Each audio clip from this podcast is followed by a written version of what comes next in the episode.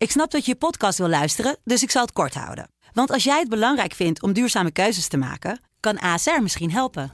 Nou hoor ik je denken, hoe dan? Nou, bijvoorbeeld bij het duurzaam herstellen van schade. Of de premies die we beleggen volgens ons duurzaam beleggingsbeleid. Dat bepaalt waar we wel en juist niet in investeren. Wil je meer weten over welke duurzame keuzes ASR maakt? Ga dan naar asr.nl slash duurzame keuzes. ASR doet het. Zo, dan kan je nu lekker naar je podcast luisteren. Dit is, dit is het land van Wierduk. Dat vond ik echt fascinerend deze week. Al die vlaggen bij al die keurige huizen.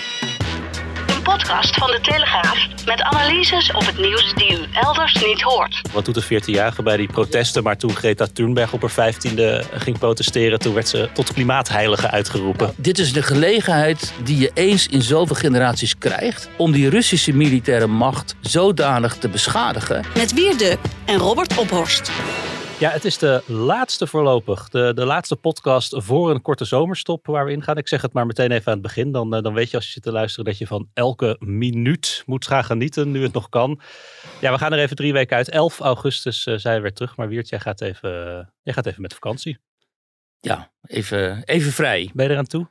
Nou, eigenlijk wel ja. Dat uh, zeg ik niet snel, maar uh, dit, dit was best een hectisch uh, jaar. Mhm. Mm. En, en, met al die hoogoplopende emoties her en der en zo, mogen we er wel even uit. Ja, ja maar daar sta, je, daar sta jij toch boven? Absoluut. Nee, maar goed, het, um, dit is het, nou, dat hebben we allemaal gemerkt. Ja. ja de, toon, de toon van het debat, dat, dat hakt er, of dat, nou ja, dat hakt er niet zo in, maar het mag wel even wat rust. ja, en wat, wat, wat doet Wiert Duk als hij vakantie heeft? Die gaat gewoon uh, met zijn uh, gezin en zo uh, op vakantie. En, en, maar blijft ook thuis. Hè? En dan lees je wat bij en je probeert de dingen die zijn blijven liggen even uh, nou, het achterstallig onderhoud, zou ik zeggen, ja, te, te op, plegen. Op, op, al, op alle vlakken. ja, op alle vlakken. maar, ja. maar, maar, sta jij dan ook uh, komende zaterdag om uh, zes uur van tevoren op Schiphol met, met een overlevingspakket? Nee, nee, Schiphol hebben we weten te vermijden. Ik heb trouwens wel vannacht mijn dochter op Schiphol afgezet, want die ging naar Berlijn.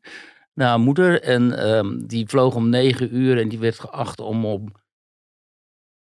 vijf uur op Schiphol te zijn. Ja. Dus die heb ik om half vijf daar, of kwart voor vijf zo daar afgezet. Vreselijk. En toen bleek het allemaal heel smooth te gaan. toen was het binnen de kortste keer gewoon bij die gate. Mm.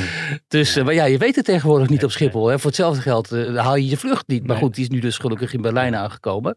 Maar dan sta je daar dus om kwart voor vijf 's ochtends. Uh, Nou ja, liever dat dan uh, inderdaad je vlucht gemist, toch? Ja, en voordat mensen dan gaan zeggen, nou kan die dochter niet alleen op de trein en zo daar naartoe. Ja, dat kan ze wel. Maar dat, ik vond het leuk om even uh, haar af te zetten.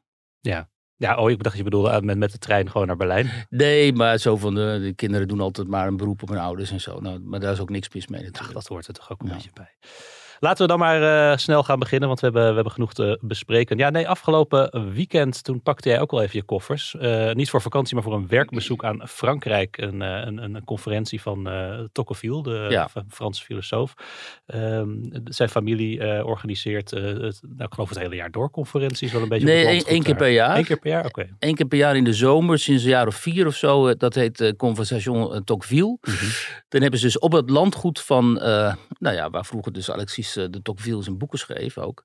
eh, hebben ze een grote conferentie belegd, eh, twee dagen, waarin dan, waar dan mensen, Amerikanen en Fransen, ja, beleidsmakers, eh, politici, eh, journalisten, veel ook academici en zo, die komen dan bijeen. Een soort World Economic Forum, maar dan voor uh, conservatieve Nou, ik moet je zeggen, ook Andrew Mitchell was daar. Dat is een, ook wel een bekende figuur in deze wereld. Um, en die schreef op Twitter, zag ik na afloop van, dat deze conferentie toch, toch wel ontpopt als een van de betere in dit internationale circuit. En daarmee gaf je ook wel een beetje sneer naar de, de Münchener Veiligheidsconferentie en Davos, wat toch wel echt uh, ook media-events zijn geworden. En dat is, dat is zo.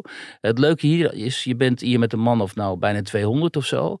Uh, ik kom er vanaf het begin, want een vriendin van mij die organiseert dit. Dus die heeft mij ook vanaf het begin uitgenodigd. En uh, vorig jaar heb ik ook een van die fora ge, gemodereerd en zo. En het leuke is dat je een soort familie wordt, omdat elk jaar komen dus dezelfde, nou ja, een harde kern van mm. mensen. En daaromheen komen weer allerlei anderen. Ja. Um, en je eet samen, je luncht samen en je praat veel en zo. Ja, en, en dat... 200 man, dat klinkt dan best veel. Maar als je daar dan twee, twee dagen zit, dan, dan kan je toch echt wel... Uh... Uh, mensen wat uitgebreider spreken, kan ik me voorstellen. Ja, weet je, zo op een gegeven moment. Uh, het leuke da daaraan is inderdaad die, die gesprekken in de marge. Zo zat ik op een gegeven moment, daar in de, toen had ik het wel even gehad, eh, in de tuin daar op zo'n mooie, mooie stoel. Naast uh, Michiel Godorkovsky, weet je wel, die voormalige Russische oligarch die tien jaar in de gevangenis van Poetin heeft gezeten. Ja, en die ken ik nog uit Moskou. Althans, ik ken hem nog, hij mij natuurlijk niet. Dus uh, ik zeg zo van, weet je wel dat je destijds in Moskou nog hebt geïnterviewd en zo. Nou, dat wist je natuurlijk niet. Maar toen heb ik echt een uur gewoon met hem kunnen praten. gewoon vrij uit. Mm -hmm. want het was geen interview. En over zijn tijd in die gulag en zo, hoe dat was. En dan vertelt hij dat hij, ja, daar zit hij met, met dieven en moordenaars en zo. Op een gegeven moment zit hij, zit hij naast zo'n vent die heeft uh, zes mensen vermoord. En dat geeft natuurlijk wel een mooie inkijk in de wereld van die ja. mensen. Hè? Hoe, hoe keken zei hij daar iets over? Hoe keken zij dan tegen hem aan? Want hij was natuurlijk multimiljardair. Ja. van de rijkste mensen, uh, nou, uh, in ieder geval van Rusland, maar misschien zelfs wel ter wereld. En opeens zit je daar inderdaad in zo'n strafkamp. Ja, maar hij is toch wel een beetje. Um, uh, Gary Kasparov was er ook. Hè? En dat is ook wel, zo grap, ook wel grappig dat je die, die mannen die zitten dan de hele tijd met elkaar te, te, te, praten in het Russisch ook, wat ik dan kan verstaan. En dat zijn toch wel een beetje muziki. Dat betekent van die echte kerels. Uh, Godokowski ook. Dat is dus niet een of andere, zeg maar, zeg maar afstandelijk elitair type of zo. Dat is echt een vent. En uh, net zoals Kasparov, die zijn ook echt opgegroeid in die Sovjetwereld. Hè? En uh, was natuurlijk ook ja. uh, gewoon, die, die, die, was ook een halve crimineel natuurlijk. Anders kon je in de jaren negentig in Moskou niet, of in Rusland niet zo schatrijk worden. Nee. Dus hij was wel gewend om met dat soort types om te gaan, denk ik. Ook in zijn, kijk, zijn eigen bodyguards en zo, dat waren natuurlijk dat soort gasten.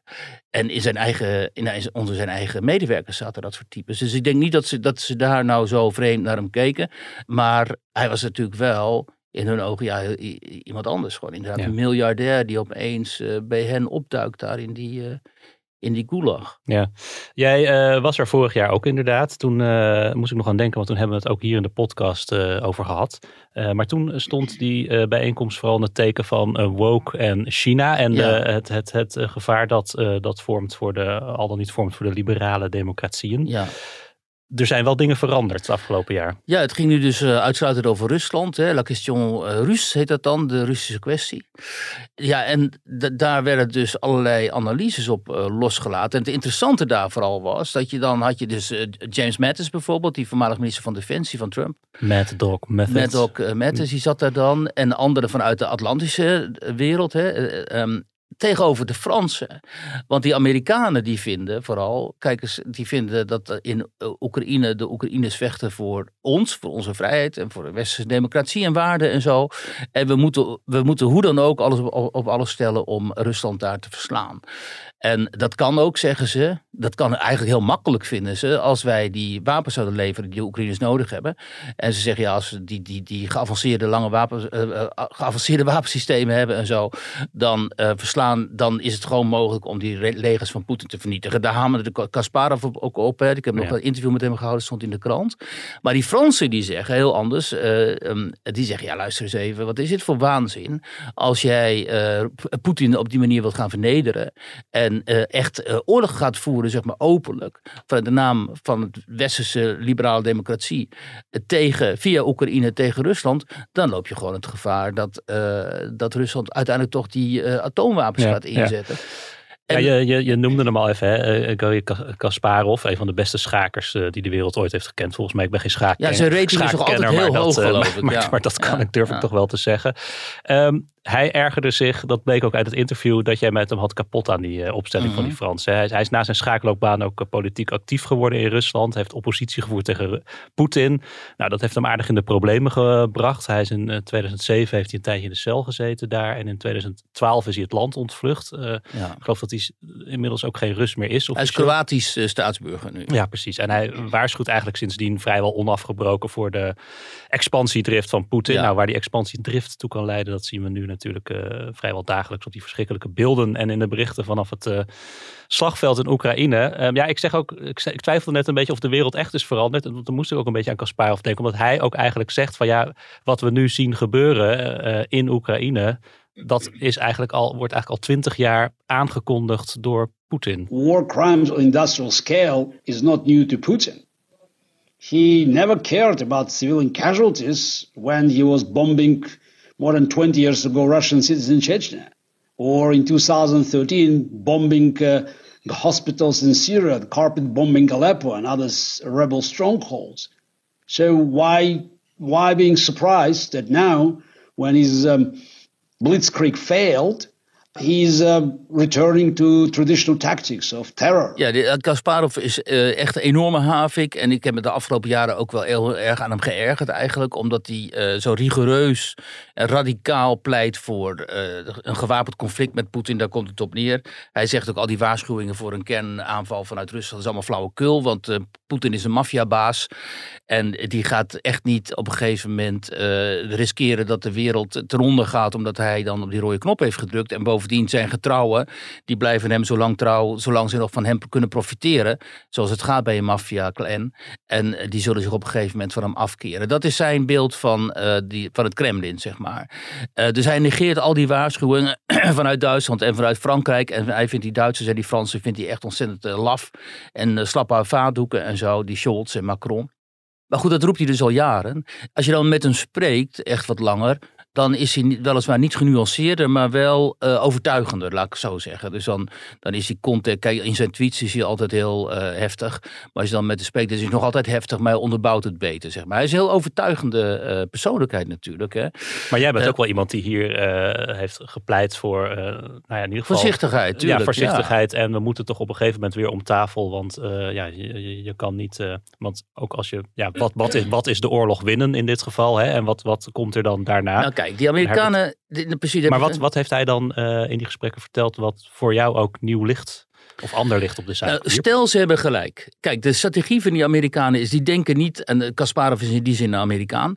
Wat hier in Europa, West-Europa gebeurt, dat kan ze niet zoveel schelen. Hè. Ze vinden ons maar gewoon, uh, nou ja, alleen de Britten respecteren ze, de rest dat vinden ze allemaal decadent uh, slapperik eigenlijk. Een beetje zoals Poetin. Ja, dat vindt Poetin ook.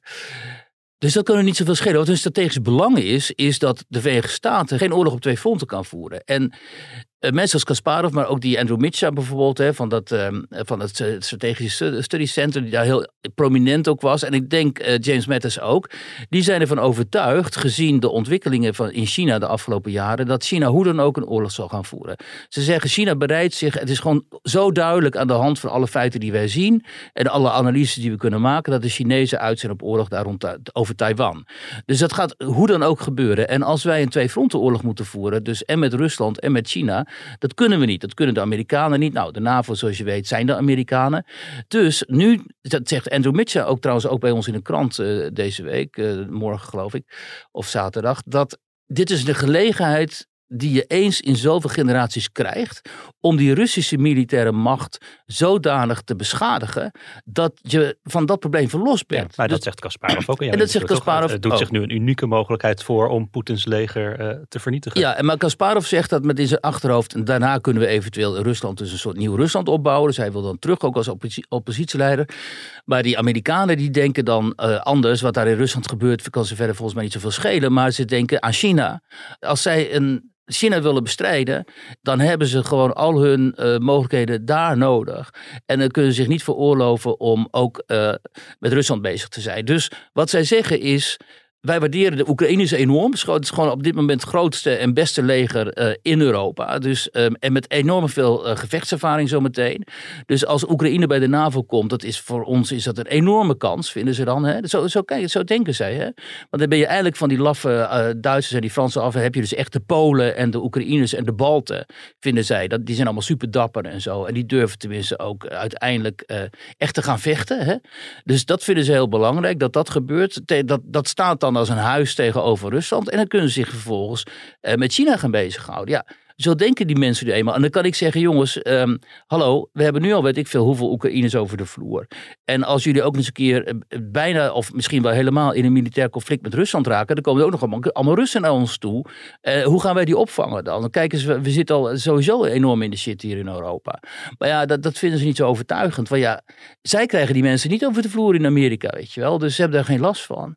En wat er ook interessant is bijvoorbeeld, wat, wat zo'n Andrew Mitchell dan zegt, die zegt van jullie zijn ook stapelgek in Europa dat jullie allerlei idiote milieumaatregelen uh, nemen nu, die op dit moment helemaal niet nodig zijn, waarmee je de voedselproductie reduceert. Want, zegt hij, we moeten naar een oorlogseconomie toe. En in een oorlogseconomie, waarin je dus ook delen van de industrie uh, klaarzet om wapens te gaan fabriceren, in een oorlogseconomie is het zo dat je zorgt voor je eigen voedselvoorziening, omdat je helemaal niet weet of je vanuit het buitenland wel voldoende voedsel zult gaan krijgen. Dus zegt hij, juist op dit moment is het volstrekt onverantwoordelijk om die voedselproductie, zoals jullie in Nederland doen, te ondermijnen. Dus wat, wat dat betreft hebben dus de boeren in Nederland, ontzettend grappig, een hele interessante bondgenoot in dit soort haviken, zeg maar, vanuit uh, de Atlantische wereld.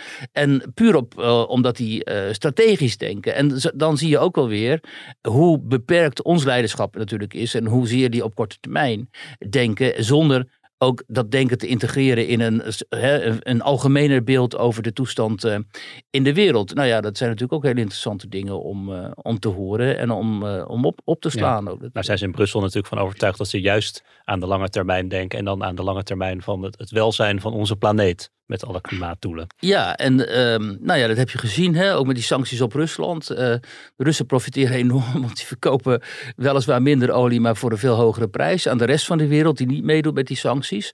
Ja, en wij krijgen zo meteen een winter uh, waarin het maar de vraag is of onze huizen wel uh, voldoende verwarmd zullen kunnen worden. En als je nou zo'n Kasparov diep in zijn ogen kijkt, daar in die, in die tuin op het landgoed, zie je dan een man die denkt dat hij ooit nog terugkeert in zijn geboorteland?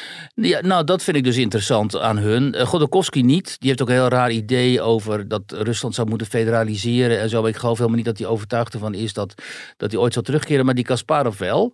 En uh, ook de, het feit dat hij denkt dat er dus wel een, een positievere toekomst kan zijn na Rusland. Omdat hij zegt, kijk, er zijn nu honderdduizenden Russen in de diaspora, dus in de emigratie. Hoogopgeleide mensen die onder Poetin zijn vertrokken omdat ze daar geen toekomst zagen. Die zouden, een groot deel daarvan kan dan terug. En die kunnen meehelpen om Rusland op te bouwen tot een normale en niet-imperiale eh, regionale grootmacht. Voor hun is de imperiale aspiraties, ambities van Poetin en van Rusland, dat is natuurlijk het grote probleem. Dat Rusland zichzelf ziet als empire, en net zoals dat Amerika dat ziet overigens. En ze zeggen, daar moeten vanaf, Rusland moet een gewoon normaal land worden, weliswaar een grootmacht, maar alleen regionaal. En dat kan als dan die mensen uit de immigratie terug zouden keren. Ja, weet je, ik heb tien jaar in Rusland gewoond, ik geloof er helemaal niks van, want ik weet dat 70, 80 80% van de Russen heeft ontzettende hekel aan die mensen juist. Omdat ze vinden dat die verantwoordelijk zijn geweest in de jaren 90 voor die totale armoedeval eh, destijds onder Yeltsin. En dan zien ze Kasparov en helemaal iemand als Godorkovsky die ze gewoon beschouwen als een enorme bandiet. Ja, die zien ze daar verantwoordelijk voor. Dus hoe gaan die mensen dan daar de touwtjes in handen krijgen? Ik zie het niet, maar ja... Um, je weet het niet, althans, maar het is wel interessant om eraan te denken. Want ik denk altijd aan post-Poetin-Rusland als een nog duisterder eh, shithole, bij wijze van spreken, om het zo te zeggen. Hè? Met burgeroorlogen en misschien zwakke, zwakke leiders die elkaar uit het leven staan en zo. En, en toestanden en ellende. Maar ja, zo Kasparov heeft, daar toch een ander beeld van. En uh, als je daar dan wat langer over nadenkt en dieper over nadenkt, dan kun je ook zeggen, ja, uh, wie weet het zou in ieder geval mooi zijn voor Rusland en de Russen en de wereld als daar een wat normale land zou ontstaan, waarin uh, de democratie, uh, of een enigszins geleide democratie dan, wel een toekomst heeft. Ik zie het niet gebeuren, maar ja, bij mij is het glas al snel half leeg natuurlijk.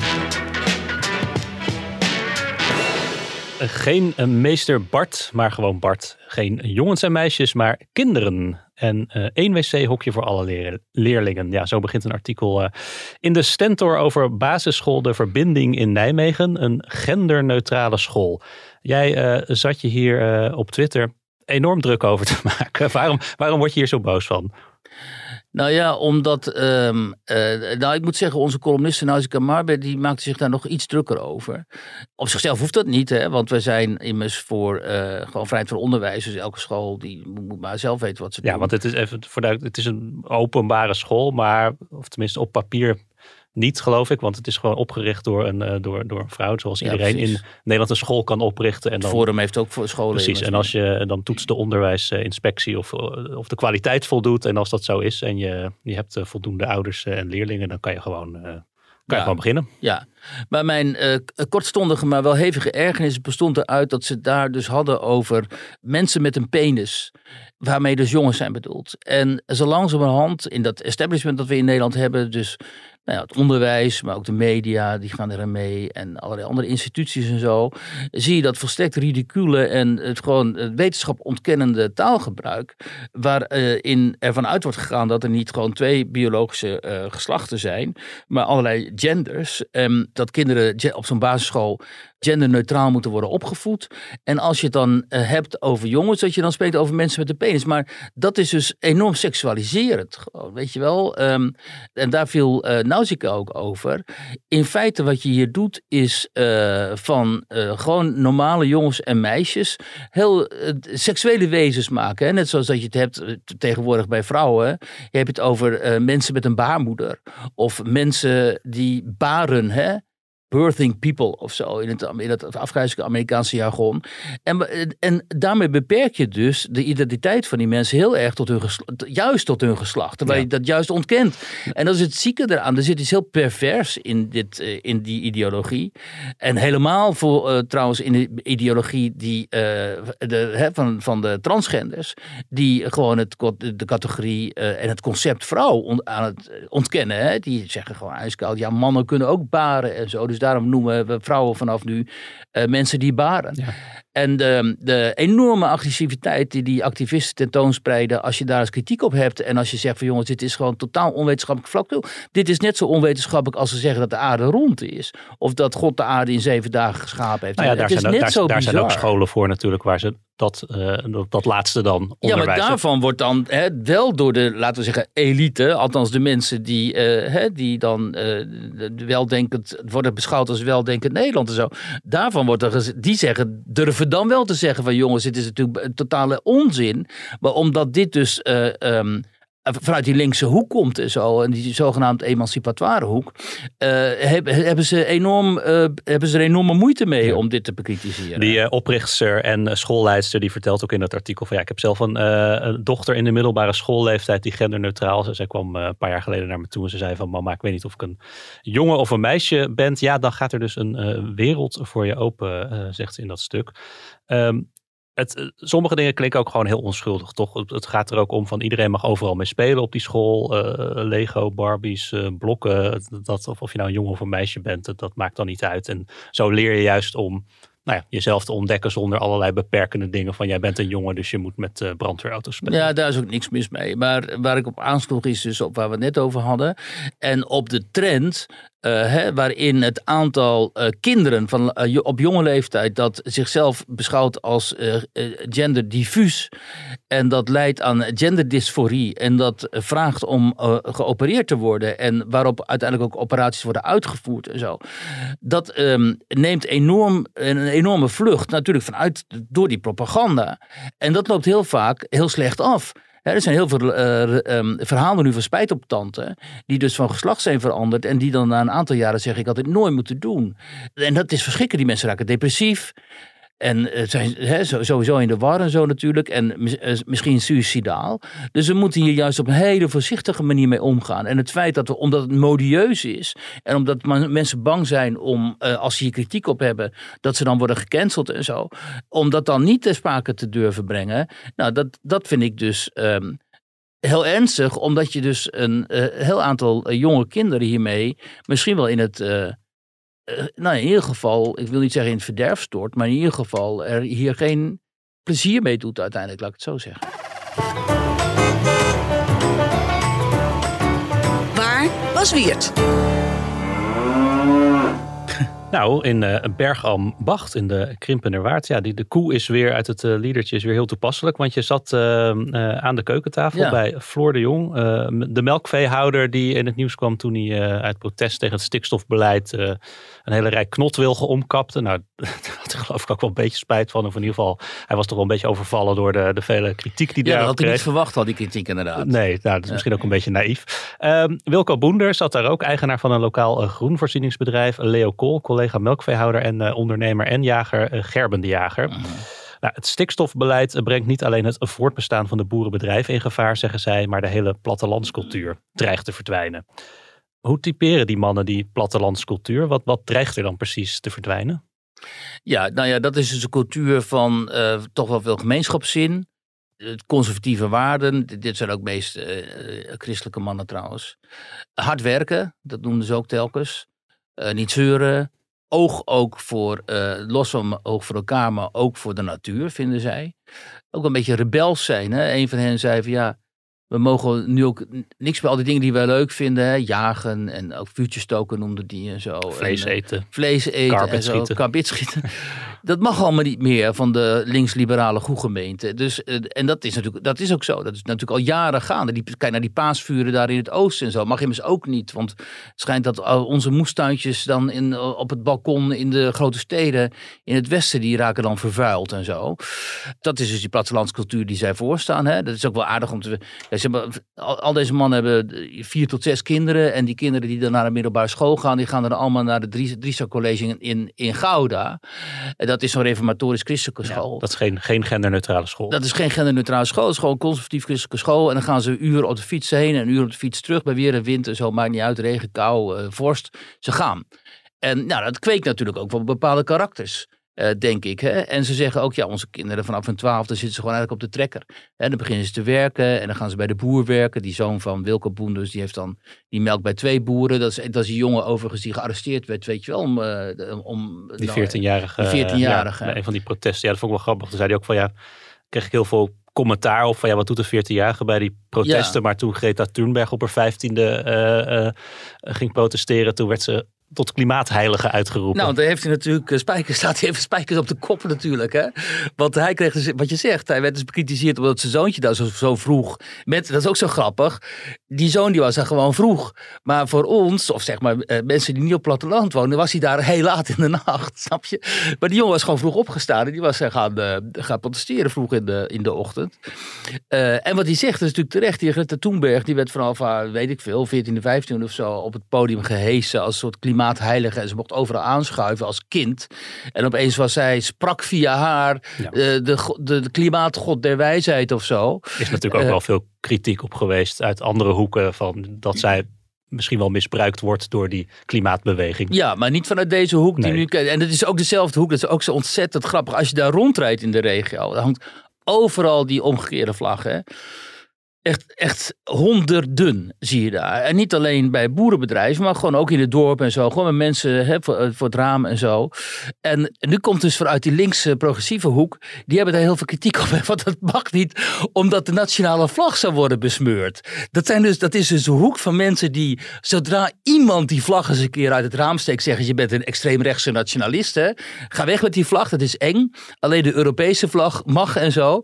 En nu deze groep mensen, dus de boeren, de wat conservatieve beweging van boeren, die vlag ehm, tot zich neemt en daar uh, iets mee doet, hè, als symbool van verzet, gaat die vlag opeens als een enorm uh, onaanraakbaar stuk doek. Ja, dat is natuurlijk hilarisch. En daarin zie je dus ook de enorme hypocrisie aan die kant van zeg maar, de anti-boeren. En wat ik ook belangrijk vind in dit stuk is, laten we ze de anti-boeren noemen, die. Um, roepen natuurlijk ook de hele tijd, ja, die boeren zijn allemaal extreem rechts. En ze sympathiseren allemaal met, met afgrijzelijke bewegingen en zo. En zijn allemaal racisten en zo. En wat blijkt dan? Deze mannen, die hebben gewoon allemaal Oekraïners opgenomen. Hè, want dat vinden ze gewoon volstrekt normaal. Omdat er werd een beroep op hun gedaan. Ja, en als christen. En neem je dan die Oekraïners op in huis, al maanden. En soms gaat het ook fout trouwens, want dan, uh, maar, goed, maar meestal gaat het goed. En uh, die Wilke Boende bijvoorbeeld, die heeft gewoon een uh, Syrische moslim in zijn bedrijf werken, Mahmoud. Maar als er dan gebarbecued wordt, wat die mensen immers graag doen, vlees eten en zo, dan heeft hij voor uh, Mahmoud heeft hij dan een halal uh, pakketje vlees. Dus ja, zo gaan die mensen dus om met de uitdagingen van de moderne tijd. En um, als hen dan telkens wordt gezegd, hè, uh, jullie zijn racisten, jullie zijn extremisten, xenofoben, noem maar op en zo. Je staat een, een, toch een soort achterlijke cultuur voor achterlijke cultuur, wat natuurlijk geen sinds het geval is en zo. Ja, natuurlijk worden deze mensen, dat zei Floor de Jong ook, het, de eeuwige minachting waarmee door die goede gemeente tegemoet wordt getreden en alle, alle vooroordelen die ze over hun hebben en zo, als zouden zij de natuur vernietigen en heel slecht met hun dieren omgaan en zo. Ja, op den duur is dat voor deze mensen natuurlijk nauwelijks vol te houden. En wat dan wel heel tragisch is ook, eh, bij Leo Kool bijvoorbeeld thuis, nou, zijn gewoon jonge mensen hè, en die, uh, die zesde generatie boeren. En die zegt ook, ja, um, op een gegeven moment ga ik natuurlijk met mijn vrouw aan tafel praten over moeten we niet weg, moeten we niet emigreren naar Zweden of zo. En dan gaat eh, een van zijn dochters begint dan te huilen, weet je wel. Die denkt, ja, mijn hele leven komt op zijn kop te staan en ik wil niet weg met mijn vriendinnen, dus ik wil niet em- emigreren. En als je dan zegt, oké, waarom pak je, pak je die miljoenen dan niet? Want je kunt gewoon voor zo'n bedrijf, eh, word je in één klap miljonair. Dan zeg je, ja, en wat moeten we dan doen? Dit is het bedrijf van mijn ouders. Ik heb als, je, van mijn ouders als, je, als, je wordt, als je wordt overgenomen. uitgekocht, bedoel je? Ja, precies, als je wordt uitgekocht. Hè, en dat zeggen al die mensen ook zo makkelijk, weet je. Oh, dan kan je, de, de overheid betaalt je toch heel veel geld, wat zeur je nou en zo. En zegt, dat is het bedrijf van mijn ouders en mijn grootouders en mijn overgrootouders. Zes generaties. Ik heb een- de plicht om dit, en ook de eer van onze familie te, te bewaren. En de plicht om dit goed te doen. En dan zou ik me laten uitkopen en wat moet ik dan met dat geld, weet je wel. Moet ik dan eh, eh, me, laten, me, laten omscholen en zo. Er wordt zo gemakkelijk over die boeren eh, geoordeeld en gesproken. Maar goed, dat wijst onderzoek natuurlijk ook uit. Ik weet niet meer precies wie dat onderzoek had ge- gedaan. Ik meen eh Josse de Voogd en René destijds in die Atlas van de Afgehaakte. Waaruit blijkt, Caspar van den Berg, ook trouwens hoogleraar in eh, Groningen en in Friesland. Waaruit blijkt dat het beleid dat de gemaakt wordt, ehm, al jaren, al decennia eigenlijk, dat wordt gemaakt door hoogopgeleide voor hoogopgeleide. Hè, dus eh, dat komt ook omdat hoogopgeleiden zitten in de Tweede Kamer, die zitten al die bestuursfuncties zo, politici allemaal hoogopgeleid. Die hebben helemaal geen oog voor lager opgeleide, als je la- boeren als lager opgeleid kunt beschouwen. Maar goed, de wereld van de praktisch, van de handwerksmannen, de handwerkslieden. Nou ja, de- wou hè, net zeggen, het is, eerder bij die boeren, die zijn vaak naar de agrarische school geweest. Dat is meer anders opgeleid Precies. dan de, dan de McKinsey consultants, zullen we maar zeggen. Precies, niet te theoretisch, maar praktisch opgeleid. En voor die praktisch opgeleide wordt gewoon geen beleid gemaakt. Omdat die hoogopgeleiden daar in de Tweede Kamer, die maken beleid voor hun eigen bubbel. En daarom is het voor hun ook zo'n soort, soort affront als dan opeens zo'n Caroline van der Plas binnenkomt. Die weliswaar helemaal geen boerin is of zo, maar die zich wel zo voordoet en zo presenteert. En die die belangen van die boeren vertegenwoordigt. En in hele eh, eh, begrijpelijke Jip en Janneke taal de eisen daar eigenlijk van de boeren op tafel legt. En de bezwaren van de boeren. En zegt, jongens, eh, we moeten het op een andere manier gaan doen. En dan staat bij de hele Kamer op zijn achterste been. Die denkt, wat is dit voor alien? Uit, en uit, wat- uit wat voor wereld komt Maar waarom is dat voor hun een affront? Omdat het ook een morele kwestie, en daar hebben we het hier vorige keer over gehad. Het is ook een ideologische kwestie. Omdat deze hoogopgeleide progressief-liberalen. die gruwen eigenlijk van het boerenbedrijf. Omdat ze bijvoorbeeld ook vinden dat we helemaal geen vlees moeten eten. Hè? En dat zijn voor een heel groot deel vegetariërs of mensen die heel erg, hè, die eten dan nog één of twee keer per week vlees vanuit de biologische slagerij en zo, dat soort dingen. Maar die vinden die massale productie van, van, van vlees en zo, ja, dat vinden ze gewoon een soort, soort van barbarij. En als dan Wilke Boende zegt, zegt van, joh, wij, hè, wij vinden het leuk om hapje vlees te eten op de barbecue en zo. Ja, dat vinden deze mensen natuurlijk eh, verschrikkelijk.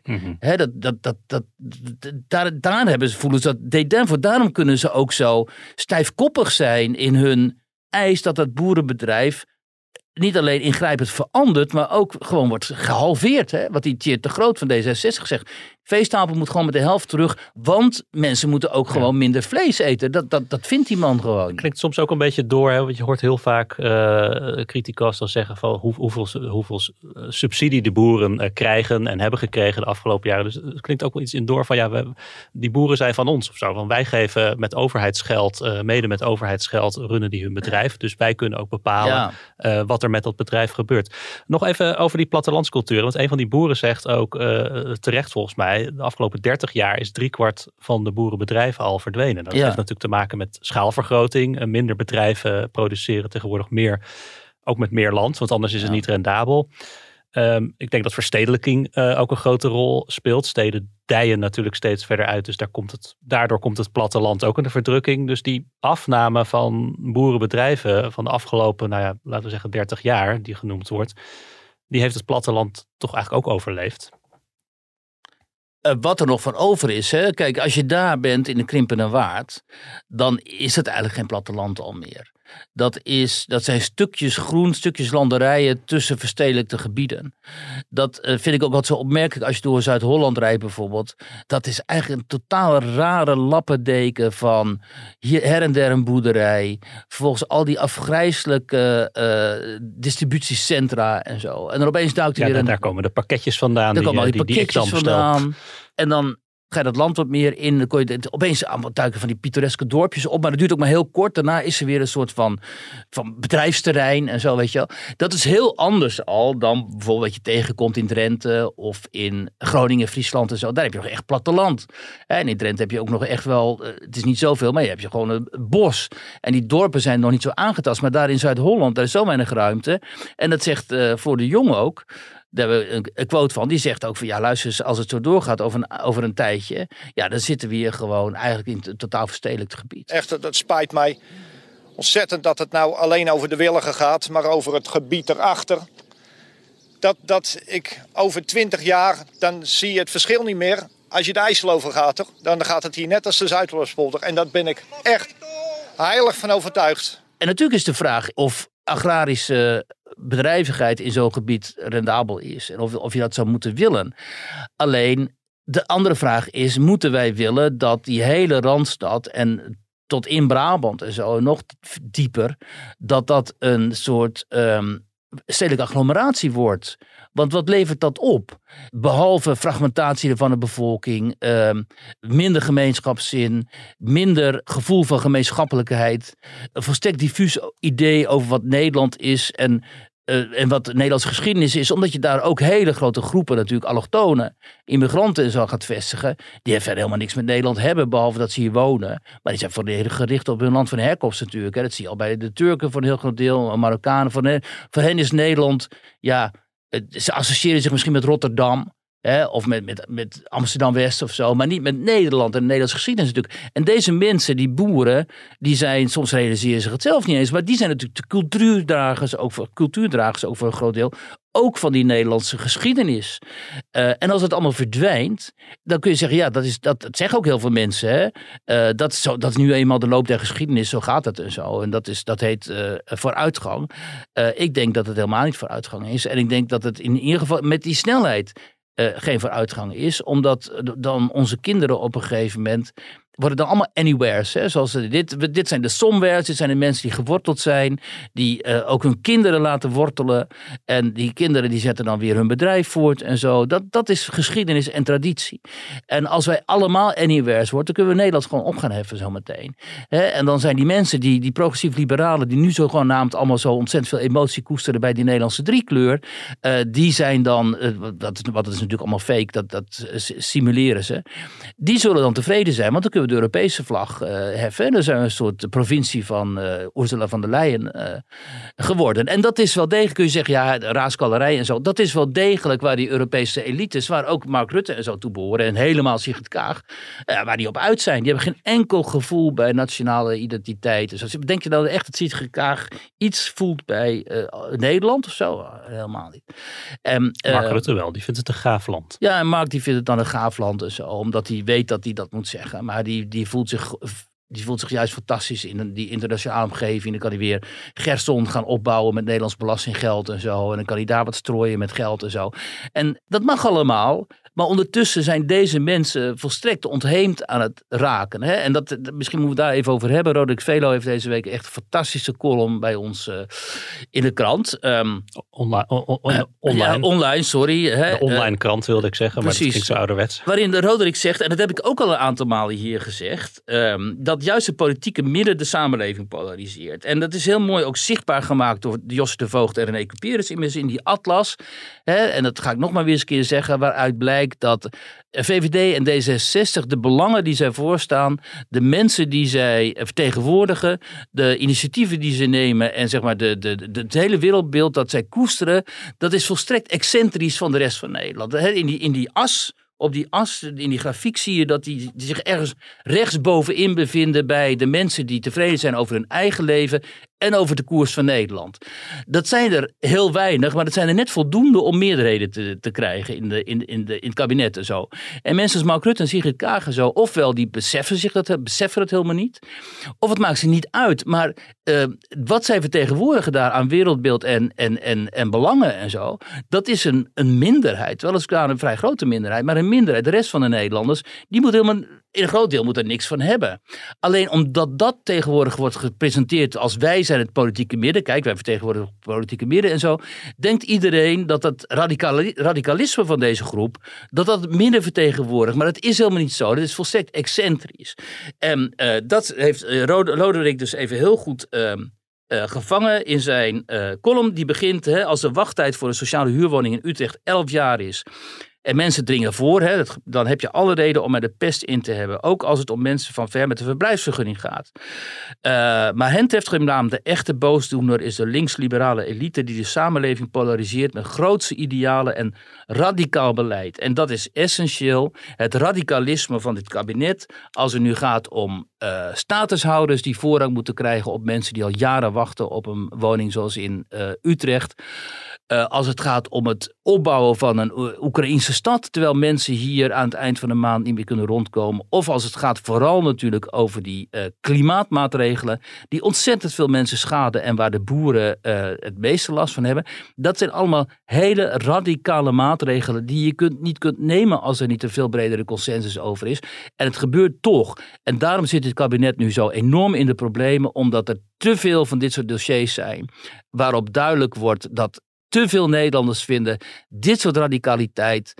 Dat past niet bij Nederland. Nederland is een consensusland. Het past niet in onze cultuur. Het past niet bij onze politieke geschiedenis. Het past niet bij onze traditie. Dat er op zo'n manier in feite de overheid zich keert tegenover een heel groot deel van de bevolking. En dat, is, dat, dat vond ik echt fascinerend deze week toen ik daar uit die krimpende waard kwam. En ik reed daar rond in dat gebied al die vlaggen, bij al die keurige huizen, weet je wel. Dat, met, dit zijn mensen die hebben gewoon een gezin, die hebben kinderen die gaan naar school, die betalen keurig belasting, die hebben een mooi huis, hè, vaak een koophuis natuurlijk, wat ook nog eens een keer nu misschien uh, belast gaat worden zometeen extra. En die zeggen nu eindelijk tot hier en niet verder. En dat is een nieuw fenomeen. En dat is echt een nieuw fenomeen. En ik denk dat het kabinet daar een enorm probleem heeft. En het kan best zijn dat hij weer doodbloedt en zo, want zo gaat het vaak met die protesten in Nederland. Maar ik denk dat je toch dit fenomeen politiek uitgedrukt gaat zien bij de uh, provinciale verkiezingen volgend jaar.